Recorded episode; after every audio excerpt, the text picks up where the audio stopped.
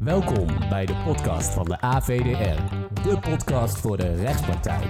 Met vandaag de gast Jolien van Parijs en Willemijn Vicnolet. Zij zijn beide advocaten bij Holle Advocaten en gaan vandaag vier bijzonder ondernemingsrechtelijke uitspraken behandelen. Met de titel Met recht ondernemingsrecht. Veel plezier bij aflevering 6 van de AVDR podcast. Welkom. Ik ben Willemijn Fik. Ik ben werkzaam op het Bossenkantoor van Holla Advocaten, maar ik zit hier niet alleen. Ja, goeiedag allemaal. Mijn naam is Jolien van Parijs en ik ben werkzaam op het Eindhovense kantoor van Holla Advocaten. Goed, ik mag aftrappen en ik begin met een arrest van de Hoge Raad met ECLI nummer 2020-1745. Dit arrest gaat over de uitkoopregeling van artikel 201a van boek 2 BW. Dat artikel regelt dat een 95% aandeelhouder, die ook tenminste 95% van de stemrechten in de AVA kan uitoefenen, tegen de gezamenlijke andere aandeelhouders een vordering kan instellen tot overdracht van hun aandelen. Over die vordering oordeelt dan in eerste aanleg de ondernemingskamer van het gerechtshof Amsterdam, de OK. Lid 6 van het bewuste wetsartikel regelt dat de OK bij toewijzing van de vordering ook de voor de over te dragen aandelen te betalen prijs vaststelt. De feiten waren als volgt. De eiser hield 95% van de aandelen in het geplaatste kapitaal van ABV en de verweerder 5%.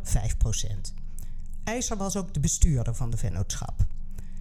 IJzer vorderde dus op grond van artikel 201a dat Verweerder zou worden veroordeeld zijn aandelen in A over te dragen aan IJzer en dat de prijs die Verweerder daarvoor zou moeten betalen vastgesteld zou worden op een bedrag per aandeel variërend tussen de 20 en de 158 euro. Zo, uh, daar is nogal verschil tussen. Ja, dat waren allemaal primaire, subsidiaire, et cetera, vorderingen. Goed, de OK wees eerst een tussenarrest. En daarin stelde de OK vast dat IJzer als bestuurder en meerderheidsaandeelhouder van A een aantal handelingen had verricht waarmee hij zichzelf had bevoordeeld en de vennootschap en verweerder had geschaad. Zo'n handelen van een controlerende DGA wordt wel aangeduid als tunneling of in het Nederlands tunneltjes graven. De OK noemde in het arrest ook de tunneltjes op die de eiser had gegraven. En dat waren er drie. Op de eerste plaats de verkoop en overdracht door A van aandelen in drie dochtervennootschappen aan C. En C was een andere vennootschap waarvan toevallig eiser de enige aandeelhouder was. En de prijs die C betaalde was natuurlijk lager dan marktconform. Let wel, dit was gebeurd 12 jaar voordat IJzer de uitkoopvordering instelde. Het tweede tunneltje was het verstrekken door vennootschap A van een geldlening van ruim 2 miljoen aan een derde tegen onzakelijke voorwaarden. Bijna geen rente, geen zekerheden, geen aflossingsschema. De derde omstandigheid was het 13 jaar eerder door A verstrekken van een geldlening van 750.000 euro aan eiser zelf. Daarna volgde een verlaging van de nominale waarde van de aandelen tot de helft. Vervolgens werd enerzijds het uit dienhoofde door vennootschap A aan eiser verschuldigde bedrag verrekend met het door eiser aan A verschuldigde bedrag uit hoofde van de geldlening. Maar het aan verweerder verschuldigde bedrag vanwege de verlaging van die nominale waarde van de aandelen werd door de vennootschap niet betaald, want daar zouden dan geen middelen meer voor zijn. Dus uh, Willemijn, als ik het goed begrijp, zijn dus twee van die drie tunneltjes die je noemt meer dan tien jaar eerder gegraven. Ja, dat klopt. Oké. Bijzonder, hè? Dat vond ik ook toen ik het las. Um, de OK lette wel op die omstandigheden en vond dat zij, gelet daarop, niet voldoende wist om de prijs van de over te dragen aandelen vast te stellen. En daarom gelastte zij een onderzoek door een deskundige. En daarbij gaf ze die deskundige de opdracht om de waarde te bepalen met inachtneming van alle feiten en omstandigheden. En de OK overwoog met zoveel woorden dat de bijzondere omstandigheden van dit geval met zich brachten dat het naar maatstaven van redelijkheid en billijkheid onaanvaardbaar zou zijn als de minderheidsaandeelhouder zou worden veroordeeld tot levering van zijn aandelen aan de meerderheidsaandeelhouder tegen een prijs die in sterke mate was beïnvloed door de benadelende handelingen van die meerderheidsaandeelhouder. En daarom kreeg de deskundige de opdracht om de aandelen te waarderen alsof die benadelende handelingen niet hadden plaatsgevonden. De deskundige ging aan de gang en waardeerde de aandelen op 157 euro per aandeel. Dat was dus op 1 euro na het hoogst gevorderde. Ja, klopt. Toen kwam het eindarrest van de OK. Daarin gaf de OK aan dat de eiser had gesteld, na het tussenarrest dus, dat de OK zou moeten terugkomen van dat oordeel dat de aandelen gewaardeerd moesten worden alsof de benadelende handelingen niet hadden plaatsgevonden. De OK kwam niet terug van die bindende eindbeslissing en overwoog daartoe dat zij vond dat dat oordeel niet berustte op een onjuiste juridische of feitelijke grondslag. Daarbij stelde de OK voorop dat bij de vaststelling van de uitkoopprijs als uitgangspunt geldt dat de minderheidsaandeelhouder recht heeft op een reële en redelijke vergoeding voor zijn aandelen, die op grond van artikel 1 van het eerste protocol EVRM reasonably related to its value moet zijn. Deze maatstaf strekt tot bescherming van het eigendomsrecht van de uit te kopen minderheidsaandeelhouder en niet om te voorkomen dat de uitkoper te veel zou moeten betalen. Zo overwoog de OK. Ook de stelling van de eiser dat een vordering tot schadevergoeding van de vennootschap of de minderheidsaandeelhouder op hem inmiddels was verjaard, achtte de OK niet relevant. De wijze waarop de OK bij de vaststelling van de billijke uitkoopprijs rekening houdt met de benadelende handelingen strekt namelijk niet tot volledige vergoeding van mogelijk door de minderheidsaandeelhouder geleden schade als gevolg van die benadelende handelingen, zo overwoog de OK. Zij beoogt slechts bij de vaststelling van de uitkoopprijs die benadelende handelingen in zodanige mate te betrekken dat de uitkoopprijs redelijk is. En vervolgens stelde de OK die prijs vast op 142 euro per aandeel. Volgens mij is er ook veel geschreven over dit arrest in de literatuur. Dat klopt. Dit arrest heeft heel veel stof doen opwaaien. Enerzijds heb je een stroming die waardering heeft voor de benadering van de OK. Sommigen menen dat de OK hier een parallel trekt met de billijke verhoging bij de uittredingsregeling van artikel 2343 lid 4 BW. Duinstee beschrijft in zijn noot het eindarrest van de OK als tamelijk spectaculair en noemt de toepassing van het leerstuk van de billijke verhoging in de uitkoopprocedures nieuw en creatief. En hij vindt de oplossing van de OK praktisch. Maar er is ook kritiek. De tegenstanders vinden dat de uitkoopprocedure naar haar aard niet geschikt zou zijn om tot een oordeel te komen over mogelijke onrechtmatigheid, aansprakelijkheid en schadeplichtigheid van derden jegens de vennootschap en het nog bestaan van vorderingen van de vennootschap op die derde. Gelukkig komt er meer duidelijkheid omdat de eiser in cassatie gaat. En hij voert verschillende klachten aan tegen het oordeel van de OK dat, samengevat, bij het vaststellen van de uitkoopprijs rekening moet worden gehouden met de benadelende handelingen van hem als meerderheidsaandeelhouder. Hij klaagt allereerst dat de OK daardoor ten onrechte voorbij gegaan is aan het bijzondere karakter naar doel en strekking van de uitkoopregeling.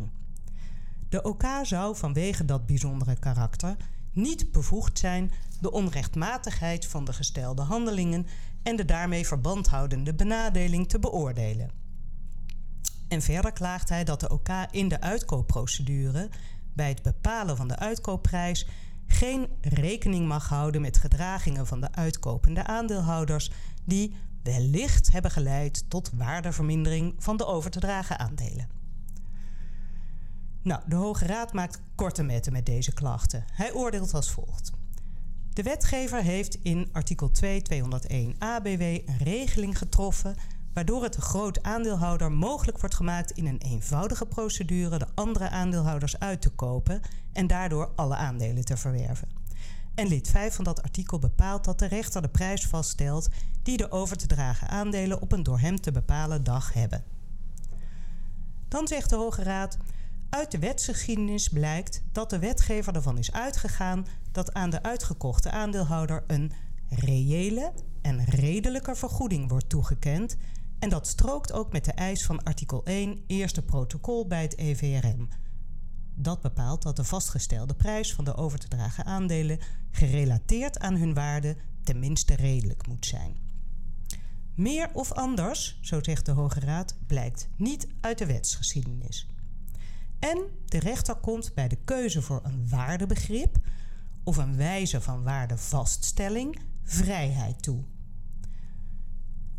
Conclusie: de aard en strekking van de uitkoopregeling verzetten zich dan ook niet ertegen dat de rechter, met het doel te komen tot een reële en redelijke vergoeding, bij het vaststellen van de prijs van de over te dragen aandelen abstraheert van de gevolgen van handelingen van de uitkopende aandeelhouder die hebben plaatsgevonden voor de pijldatum en die de waarde van de aandelen ten nadele van de uit te kopen aandeelhouders hebben verminderd. En dat was precies wat de OK dus, volgens de Hoge Raad terecht, had geoordeeld en gedaan. In cassatie was geklaagd dat de correctie van artikel 2 343 lid 4 BW, de billijke verhoging bij de uitredingsvordering, bij deze uitkoopprocedure naar analogie was toegepast. En volgens de klacht was dat ten onrechte. AG Assink meende in zijn conclusie dat de OK dat niet had gedaan.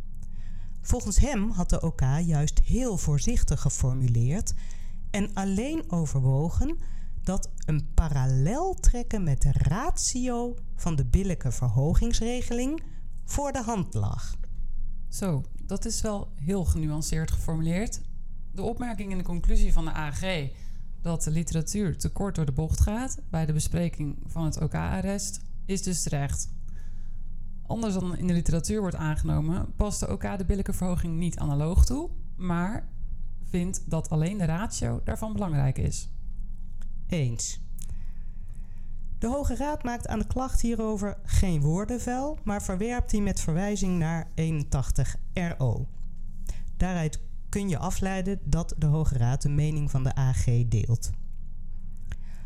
Overal denk ik dat de uitkomst van dit arrest heel bevredigend is. Een meerderheidsaandeelhouder kan niet profiteren van zijn eigen waardeverminderende handelen.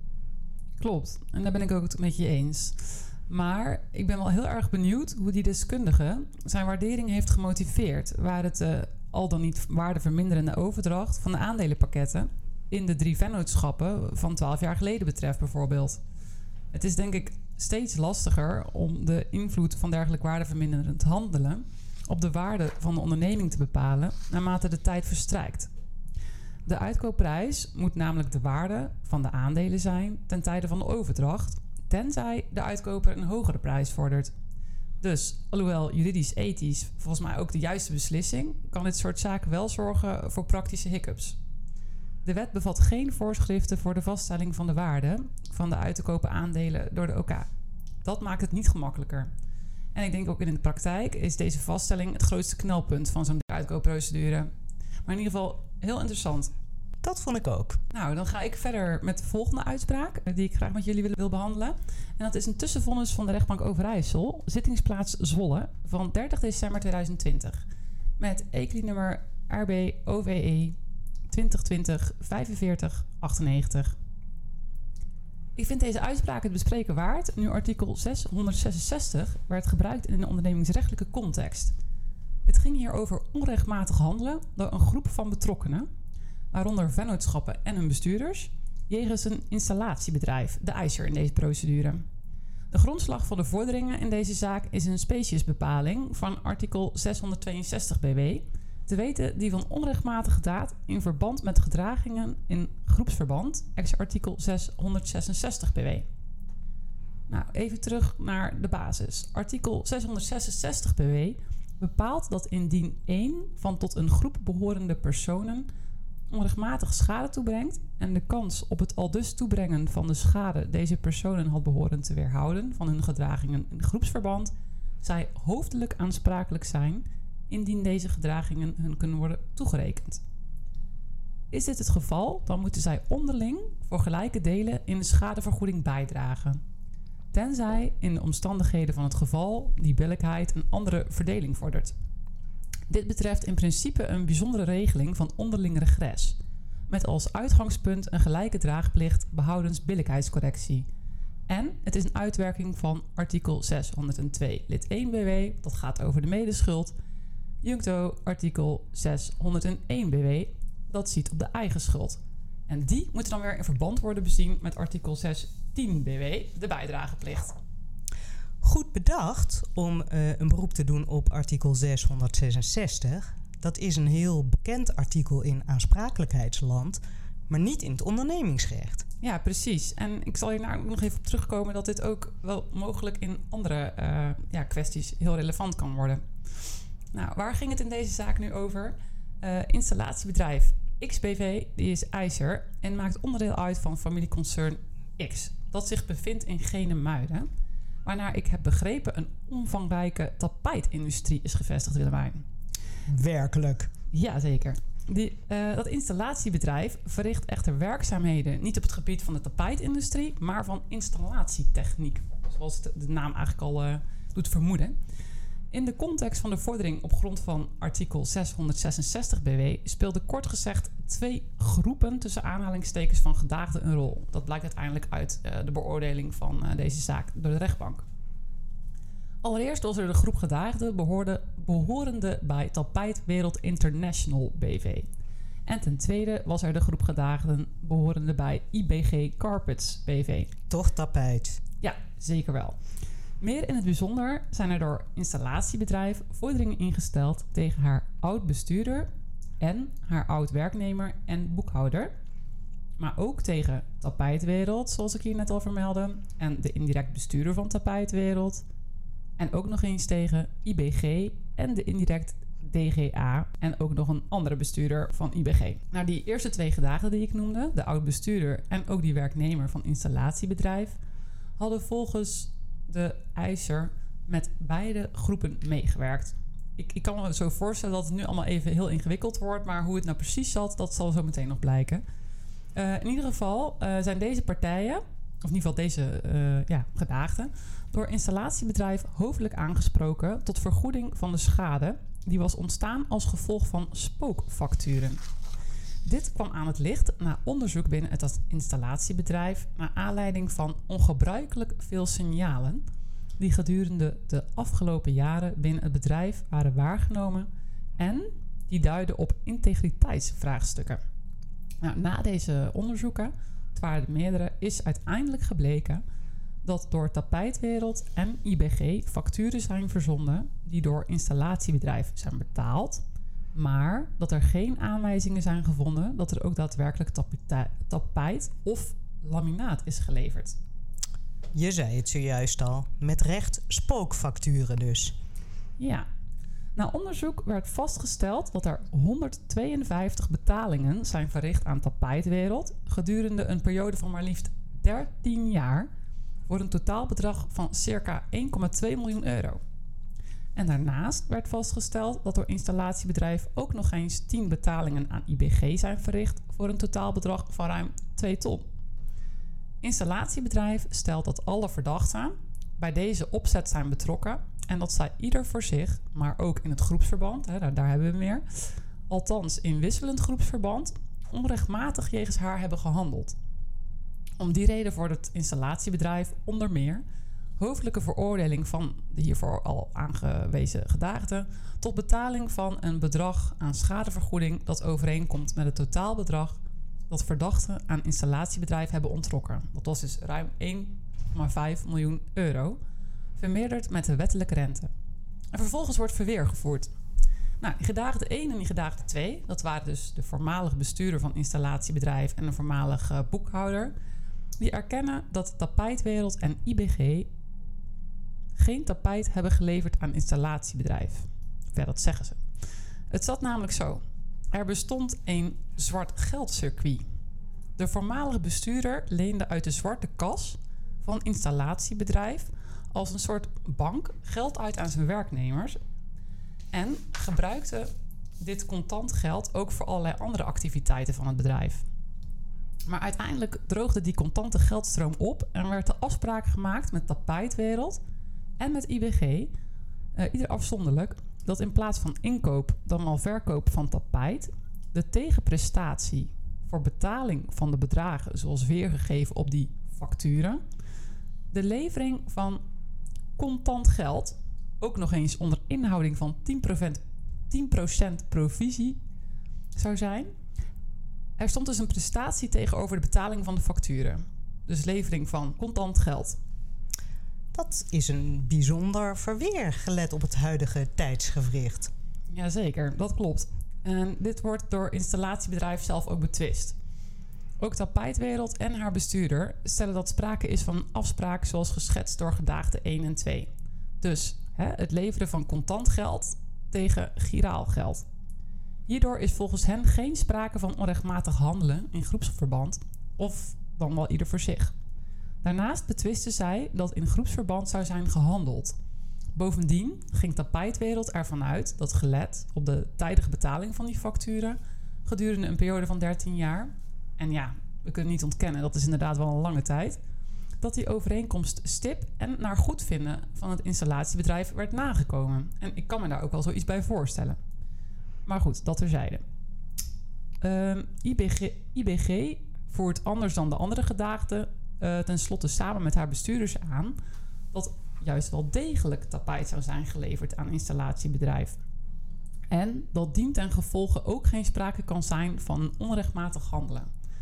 Dit is wel heel bijzonder, want eh, let hierop: het gaat om een installatiebedrijf wat voor 2 ton aan tapijt zou hebben afgenomen. Ja, dus uiteindelijk moest de rechter oordelen over de uh, het verwijt dat installatiebedrijf maakt aan Tapijtwereld en IBG, althans de twee groepen daaromheen, dat sprake is van het verzenden en door installatiebedrijf laten betalen van spookfacturen. Ja, precies. En het versturen van dergelijke facturen aan de vennootschap, waar dus geen enkele of een evidente andere prestatie dan omschreven in de factuur tegenover staat, en het vervolgens laten betalen van deze factuur door diezelfde vennootschap kwalificeert volgens de rechtbank als onrechtmatig handelen jegens de vennootschap. De vennootschap die dergelijke spookfacturen voldoet, is namelijk in dat geval bewogen tot het doen van betalingen zonder rechtsgrond, naar aanleiding van misleidende facturen. De stelling van onder andere Tapijtwereld dat sprake was van levering van contant geld, hetgeen door installatiebedrijf wordt betwist, neemt het onrechtmatige karakter volgens de rechtbank niet weg. De beweerdelijk geleverde prestatie, geld, is namelijk wezenlijk anders dan de in de factuur omschreven prestatie, tapijt. Dit verweer is volgens de rechtbank mogelijk wel relevant voor het vaststellen van de omvang van de schade. Maar de omstandigheid dat installatiebedrijf langs de band van haar bestuurder en andere speelfiguren van het zwart geldcircuit en de werkwijze met spookfacturen wist, doet even min af aan die onrechtmatigheid. Als een bestuurder, namelijk hè, volgens de rechtbank, tezamen en in overleg met derden de vennootschap bewust valse facturen laat betalen, handelen deze bestuurder en deze derden onrechtmatig jegens die vennootschap. En gelet op de kenbare valsheid van de facturen kan die derde zich er bovendien niet achter verschuilen dat zij met instemming of in opdracht van een statutair bestuurder heeft, heeft gehandeld. Er is sprake van onrechtmatig handelen, al dus de rechtbank. Uiteindelijk worden de oud-bestuurder van installatiebedrijf, gedaagde 1, Tapijtwereld CS, alsmede IBG en haar indirect aandeelhouder en bestuurder hoofdelijk veroordeeld tot schadevergoeding aan installatiebedrijf. Gedaagden zoals de indirecte bestuurder van IBG en de voormalig boekhouder van installatiebedrijf, die worden niet veroordeeld, omdat installatiebedrijf ten aanzien van hen te weinig had gesteld. Omdat Tapijtwereld en IBG niet op de hoogte waren van elk anders activiteiten jegens installatiebedrijf, onderscheidt de rechtbank twee groepen in het kader van de groepsaansprakelijkheid van artikel 666 BW. Gedaagde 1, de voormalig bestuurder van installatiebedrijf, wordt geacht tot beide groepen te behoren, nu hij wel van alle activiteiten op de hoogte was. en hier ook aan meewerkte. Over de omvang van de schade mogen partijen zich nog uitlaten volgens de rechtbank. In dit kader is nog interessant om te benoemen dat eventuele voordelen die installatiebedrijf heeft genoten, volgens de rechtbank bij de bepaling van de uiteindelijke schade van installatiebedrijf nog wel in mindering zullen worden gebracht op grond van artikel 600 BW. De factor eigen schuld van artikel 601 BW die wordt buiten beschouwing gelaten, nu volgens de rechtbank niet is gebleken dat sprake is van wetenschap bij installatiebedrijf. Ah, dat is leuk. De wetenschap van de aangesproken bestuurders die meewerkten aan deze opzet wordt dus niet aan de vennootschap toegerekend. Ja, daar kom ik straks nog op terug. In ondernemingsrechtelijke context moest ik bij het lezen van deze uitspraak meteen denken of er in bepaalde gevallen ook een parallel zou kunnen worden getrokken met of een aanknopingspunt zou kunnen worden gevonden in artikel 224 BW. Bartman heeft hierover al een artikel geschreven, getiteld Groepsaansprakelijkheid in concernverband. Dat is verschenen in Ars Equi. Voor de geïnteresseerden onder ons AA 2019-0875. Zijn conclusie is dat groepsmaatschappijen in de zin van artikel 224b BW onder omstandigheden tevens ook kunnen worden aangemerkt als entiteiten die deel uitmaken van een groep als bedoeld in artikel 666 BW. Nou, dit is inderdaad een bijzondere uitspraak, Jolien. Ik vind het leuk dat we die bespreken. Ja, en wat artikel 666 BW interessant maakt voor de praktijk, is dat hier sprake is van een verlichting van de bewijslast met betrekking tot de causaliteit en de schade. Een kausaal verband tussen het gedrag van het aangesproken groepslid en de toegebrachte schade is hier namelijk geen voorwaarde voor de aansprakelijkheid. Het antwoord op de vraag of de kans op het toebrengen van schade door de groep de aangesproken persoon had behoren te weerhouden van zijn gedragingen in groepsverband is hier bepalend. En ik verwijs daar ook voor de geïnteresseerden onder ons zelfs naar uh, rechtsoverweging 4.25 van de uitspraak. Het in de schijnwerpers plaatsen van deze uitspraak zal hopelijk of misschien meer leven in dit artikel kunnen blazen. En inspiratie geven tot inzet hiervan als grondslag bij zaken waarvan sprake is van het toebrengen van schade door rechtspersonen en op vennootschappen in groepsverband. En dat was het uh, voor deze uitspraak in ieder geval. Nou, eh, ik vind het echt een interessante gedachte, want uh, het bewijzen van dat causale verband is toch wel iets waar veel uh, zaken op stuk lopen. Dus het is leuk om deze optie in het achterhoofd te houden. Zeker, ja. ja. Goed, ga ik weer door met. ik neem het stokje weer over met een arrest van de Hoge Raad. ECLI-nummer is 2020 14 13. Ook dat is in onze optiek een heel bevredigend arrest over een zaak die heel veel in het nieuws is geweest. De feiten. Twee voormalige bestuurders en een lid van de Raad van Commissarissen van de verzekeraar HDI hebben zachtst gezegd niet in het belang gehandeld van de vennootschap. In een strafrechtelijke procedure werd ten aanzien van de ene bestuurder bewezen geacht dat hij de bedrijfsadministratie heeft vervalst, een gelieerd verzekeringsbedrijf heeft opgelicht, via een ABC-constructie HDI heeft benadeeld en ruim 3 miljoen euro uit het vermogen van HDI heeft verduisterd. Hij werd daarom veroordeeld tot een gevangenisstraf van 2,5 jaar. De andere voormalige bestuurder, en dat was de zoon van het ook betrokken lid van de Raad van Commissarissen, die daarvoor zelf ook bestuurder van HDI was geweest, lichtte HDI op door in 2007 onder valse voorwendsels een Arubaanse verzekeringsportefeuille voor een symbolisch bedrag over te dragen aan rechtspersoon Treston. En het zal niet verbazen dat zijn vader en hijzelf daarin een meerderheidsbelang hadden. Verder nam deze zoon steekpenningen aan, maakte hij valse facturen op en waste hij geld wit. In totaal ging het om een bedrag van maar liefst 25 miljoen euro. En dat kwam hem te staan op een gevangenisstraf van 3,5 jaar. De heren hebben dus niet bepaald uh, stilgezeten. Nee, ze zijn druk geweest. Ehm, de andere bestuurders en commissarissen van HDI waren niet op de hoogte van deze praktijken. En toen ze daarachter kwamen, heeft HDI het drietal ontslagen.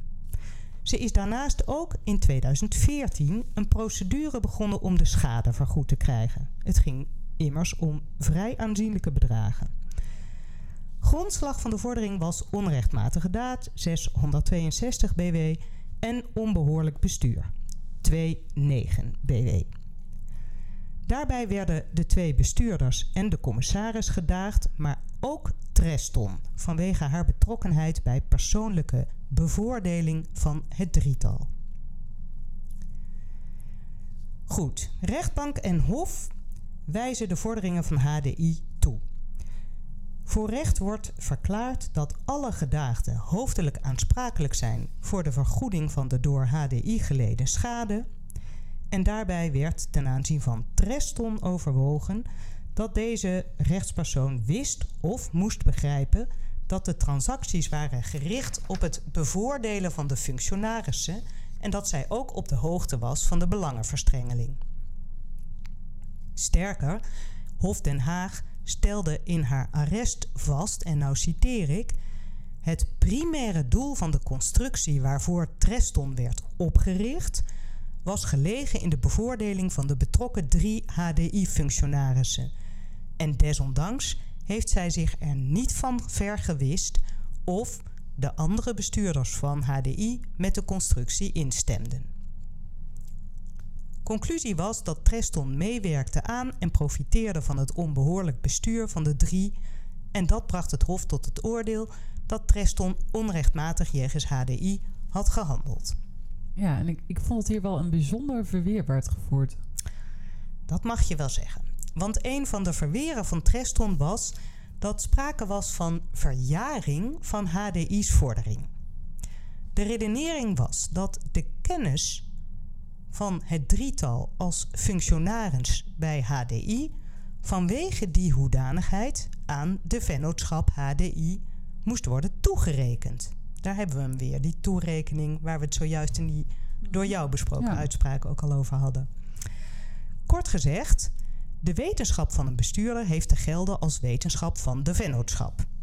En, zo redeneerde Treston, omdat vaststond dat vader, zoon en de derde bestuurder al sinds de overdracht van de portefeuille in 2007 wisten van de transactie en dus toen al bekend waren met de schade van HDI en de veroorzakers daarvan, betekende dat volgens Treston dat HDI in 2014 te laat was met het instellen van de schadevergoedingsvordering.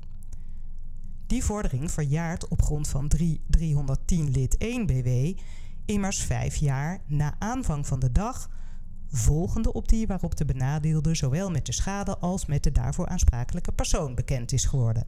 En dat laatste was dus al in 2007 het geval, zodat HDI in 2014 te laat was.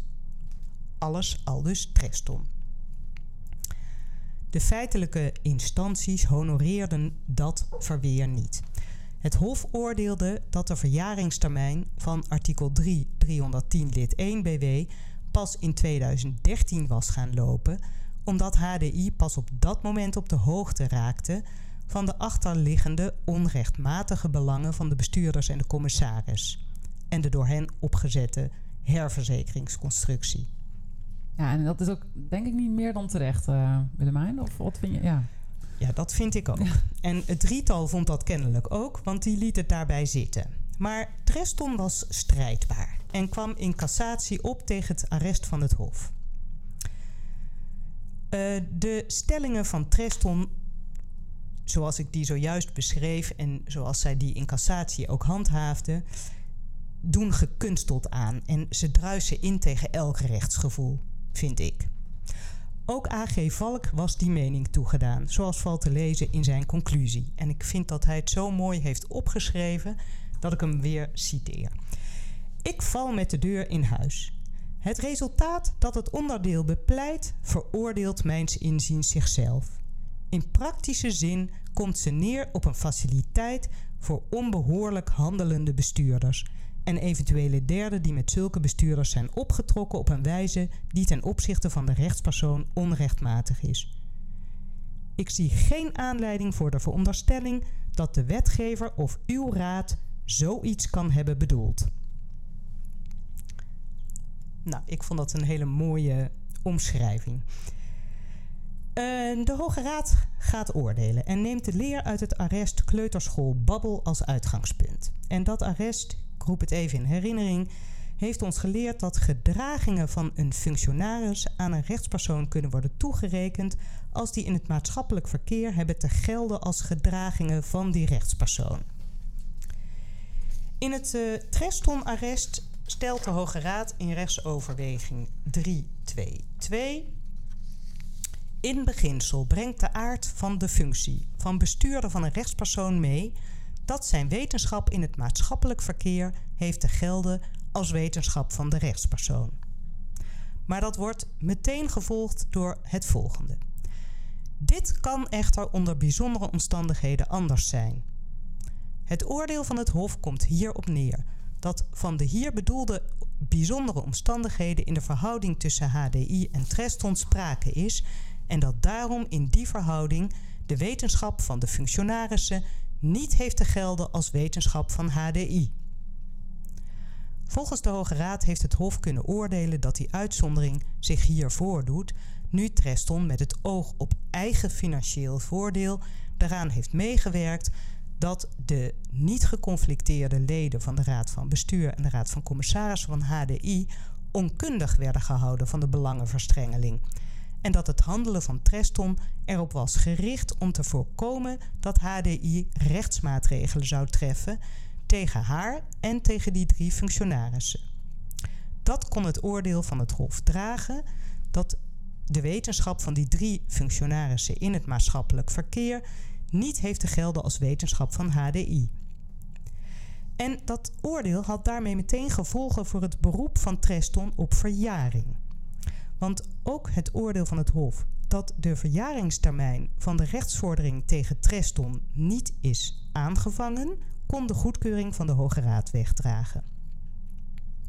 Het beroep van Treston op de strekking van de verlengingsgrond die is uh, weergegeven in artikel 3, 321 lid 1 aanhef en onder D juncto artikel 3, 320.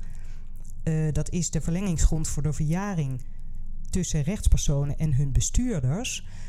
Uh, kon haar volgens de Hoge Raad ook niet baten. Want uh, daar kwam men eigenlijk niet eens aan toe. Uh, dat die artikelen handelen namelijk niet over de aanvang van de verjaring, maar over de verlenging daarvan. En als de verjaring niet is gaan lopen, zo zei de Hoge Raad, dan kom je aan verlenging ook niet toe.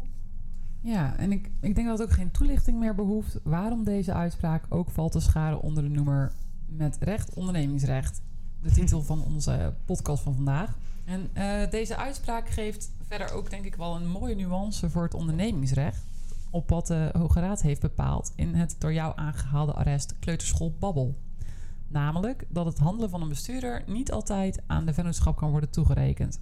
Wanneer dit handelen namelijk schadelijk is voor de vennootschap, zoals hier het geval was, maar de andere bestuurders hadden daar op dat moment bijvoorbeeld geen wetenschap van, dan kan het handelen van die ene bestuurder niet aan die vennootschap worden toegerekend. En dit zou denk ik ook niet rechtvaardig zijn. Nee, absoluut niet. Dus nee, ja. Een mooi oordeel. Ja, zeker. Eens. Nou, en dan gaan we verder met de laatste uitspraak van vandaag. Uh, de afsluiter. Een vonnis van de rechtbank Gelderland van 24 februari 2021. ECLI recht, NL, rechtbank RBGEL 2021 1318. Nou, en wat was hier nu aan de orde? Nou, in deze zaak vorderden drie onbetaald gebleven crediteuren van een failliete eierhandel betaling van hun nog openstaande facturen van de bestuurder van dit bedrijf. Zij achten die bestuurder aansprakelijk en baseren hun vordering op artikel 662 BW. Eerst nog even een herhaling van de heersende leer. Wanneer een bestuurder uh, de activiteiten van de vennootschap te lang voortzet en daarmee te lang verplichtingen aangaat, terwijl hij weet, of in ieder geval moet weten, dat dit tot gevolg zou hebben dat deze vennootschap haar verplichtingen niet meer kan nakomen en schuldeisers daardoor schade zouden lijden, is die bestuurder daarvoor in sommige, sommige gevallen privé aansprakelijk.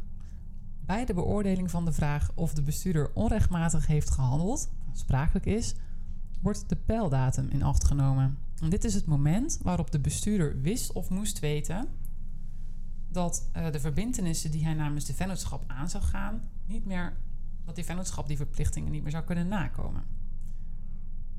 Wat ik met name interessant vind aan deze uitspraak zijn de overwegingen van de rechtbank met betrekking tot die relevante pijldatum. En hier zal ik dan ook de nadruk op leggen bij bespreking van dit vonnis. Ja, want die pijldatum is altijd een lastig punt uh, in de beoordeling. Hè? Mm-hmm. Vanaf wanneer weet je nou of moet je nou weten dat een, ja, dat een vennootschap de verplichtingen niet meer kan nakomen? Dat is vaak heel lastig vast te stellen. Mm-hmm. Ja, en, en eisers vinden in dit geval in ieder geval uh, onder meer het volgende relevant, gezien de onderbouwing van hun vorderingen. De vennootschap waar we het hier over hebben, die werd failliet verklaard op 26 september 2017. En die leed al gedurende een langere periode verlies. Volgens de drie schuldeisers diende de bestuurder als indirect bestuurder van de vennootschap op de hoogte te zijn van die financiële toestand. Te meer omdat juist die financiële toestand al slechter werd vanaf 2014. De accountant van de failliete vennootschap heeft de bestuurder naar aanleiding van de jaarrekeningen over 2014 en 2015 daarbovenop ook nog eens gewaarschuwd dat het voortbestaan van de onderneming onzeker was. En de bestuurder in zijn notitie van 28 december 2016 gewaarschuwd voor het risico dat hij als bestuurder aansprakelijk kon zijn wanneer hij namens de gefailleerde vennootschap verplichtingen zou blijven aangaan. En dan bedoel ik eigenlijk gewoon de vennootschap waar we het hier over hebben. Je zou zeggen, een gewaarschuwd mens. Ja, ja, klopt. Wat hier dan vervolgens nog wel gebeurde, is dat uh, de bank op 6 maart 2017 vanwege, let op weer, het geringe toekomstperspectief van de vennootschap mondeling het krediet heeft opgezegd met een opzegtermijn van drie maanden. Dat was dus tegen 6 juni 2017. En de bank heeft dat ook schriftelijk bevestigd op 17 maart 2017.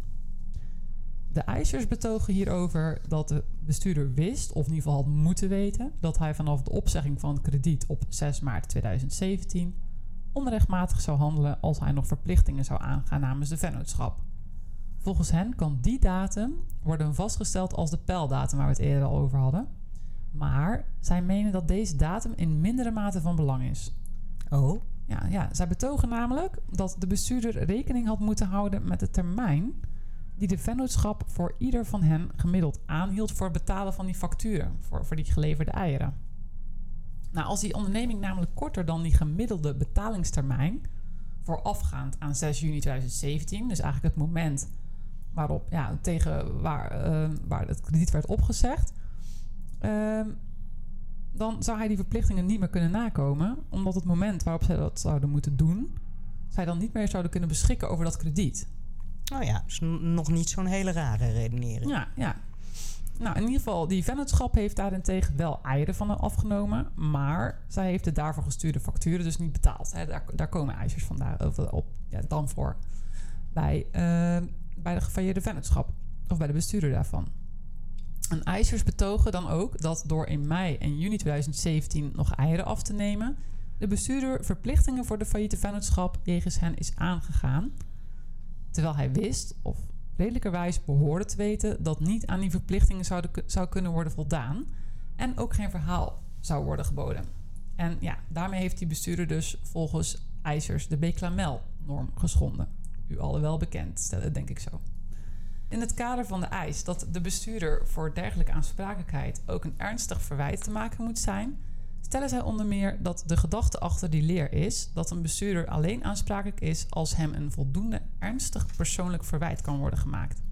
Zodat ondernemerschap wordt gefaciliteerd en wordt voorkomen dat bestuurders hun handelingen in onwenselijke mate laten bepalen door defensieve overwegingen. Maar, en dat is bijzonder, wat ze nu zeggen, dit maatschappelijk belang speelt hier echter niet volgens die eisers. Omdat de bestuurder volgens hen op de pijldata wist dat de onderneming ten dode was opgeschreven. Tja, het krediet was al opgezegd.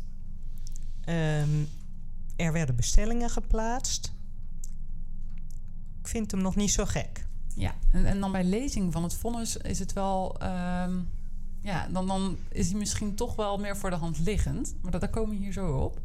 Ehm, want de rechtbank die stelt voorop dat er inderdaad hoge eisen worden gesteld... wanneer een uitzondering wordt gemaakt op het uitgangspunt... dat enkel een vennootschap jegens een schuldeiser aansprakelijk kan zijn voor schade... als het gevolg van wanprestatie door die vennootschap.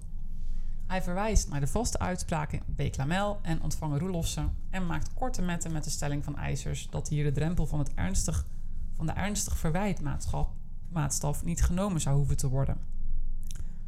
Dat is ook wel een beetje een aparte stelling, gelet op de heersende leer. Die is toch wel echt heel duidelijk. Je komt pas bij een bestuurder als er sprake is van een persoonlijk ernstig verwijt. Precies, inderdaad. Nou, laten we die dan in ieder geval maar scharen onder de noemer wie niet waagt, wie niet wint. De rechtbank overweegt verder dat het feit dat de bestuurder op de hoogte was van de verslechterende financiële situatie en ervoor was gewaarschuwd niet zonder meer wil zeggen dat hij bijvoorbeeld vanaf 6 maart 2017 geen verplichtingen meer voor de onderneming mocht aangaan door eieren af te nemen. En nu komt naar mijn mening het interessante onderdeel van deze uitspraak. De rechtbank zegt: zolang die bestuurder heeft kunnen menen dat de onderneming reële mogelijkheden had om te blijven voorbestaan, en dat was hier het geval, kan hem niet worden verweten dat hij pogingen in het werk stelde om die mogelijkheden voor de onderneming te realiseren. Daartoe was nodig dat hij eieren bleef leveren en dus ook dat hij eieren bleef afnemen. Door dat te doen zonder zijn leveranciers uitdrukkelijk te wijzen op de financiële toestand van de onderneming, nam hij weliswaar ook voor hen een zeker risico, maar dat, daar staat tegenover dat niet voldoende gemotiveerd is betwist dat zij op grond van de gepubliceerde jaarrekening en informatie in de markt op de hoogte waren of hadden kunnen zijn van het risico dat zij liepen als zij eieren aan deze onderneming leverden. En dat zij zich ook actief op de hoogte hadden kunnen stellen. En dan kom ik even terug op die reële mogelijkheden, want die zijn hier dus echt van belang. Ehm, in dit geval was er de omstandigheid dat er eh, mogelijk nog een substantiële schuld aan de onderneming zou worden afgelost door een grote debiteur. En er was ook nog sprake van een mogelijke samenwerking met een andere onderneming. Uit het, e-mailberichten, of uit het e-mailbericht van de bank van 7 juni 2017 blijkt dat, gelet op deze omstandigheden, de bank op die datum bereid was om de kredietfaciliteit zelfs nog voor te zetten tot 13 juni 2017. De datum waarop de onderneming de gronden van haar verzoek om opschorting van de uitwinning van zekerheden mondeling aan de bank zou komen toelichten. Nou, omdat de kansen van de onderneming om te blijven voortbestaan, gezien deze opstelling van de bank tot half juni 2017 nog reëel waren, heeft de bestuurder naar het oordeel van de rechtbank op goede gronden de activiteiten voortgezet en treft hem geen ernstig persoonlijk verwijt van het feit dat hij de onderneming tot kort voor 13 juni 2017 nog heeft gebonden ten opzichte van de respectievelijke schuldeisers. En nadien heeft hij dat namelijk niet meer gedaan. Dit vind ik een heel mooi voorbeeld van het grote belang van het uitvoerig uiteenzetten van alle feitelijke omstandigheden in je processtukken. Want daarmee kun je de zaak dus winnen. In eerste instantie denk je: oké, het krediet is opgezegd, uh, dat betekent dus einde verhaal. Maar als je kunt aantonen dat er andere omstandigheden zijn die erop wijzen dat er best nog een beetje licht aan de tunnel was, kun je de bestuurder dus redden van persoonlijke aansprakelijkheid. Ik vind een bevredigende argumentatie van de rechtbank. Ja. Uh, vooral ook omdat er soms, naar mijn idee, toch wel te snel met het vingertje wordt gewezen naar de ondernemer die het goed voor had met zijn onderneming. En tot het laatste moment heeft geprobeerd de zaak in de lucht te houden. Mm, eens, ja.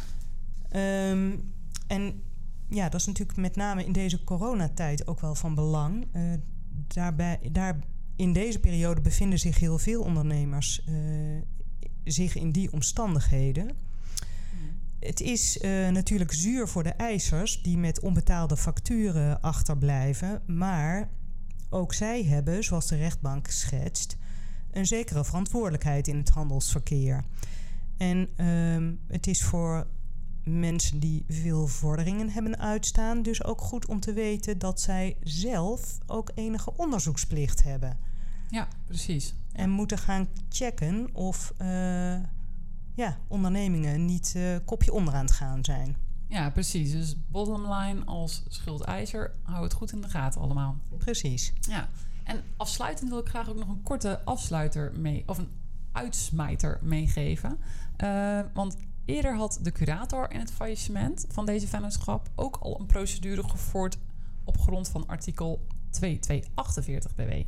Nou, en de vorderingen van de curator en die procedure werden afgewezen. Um, en het desbetreffende vonnis had ook reeds gezag van gewijzen tijdens deze procedure.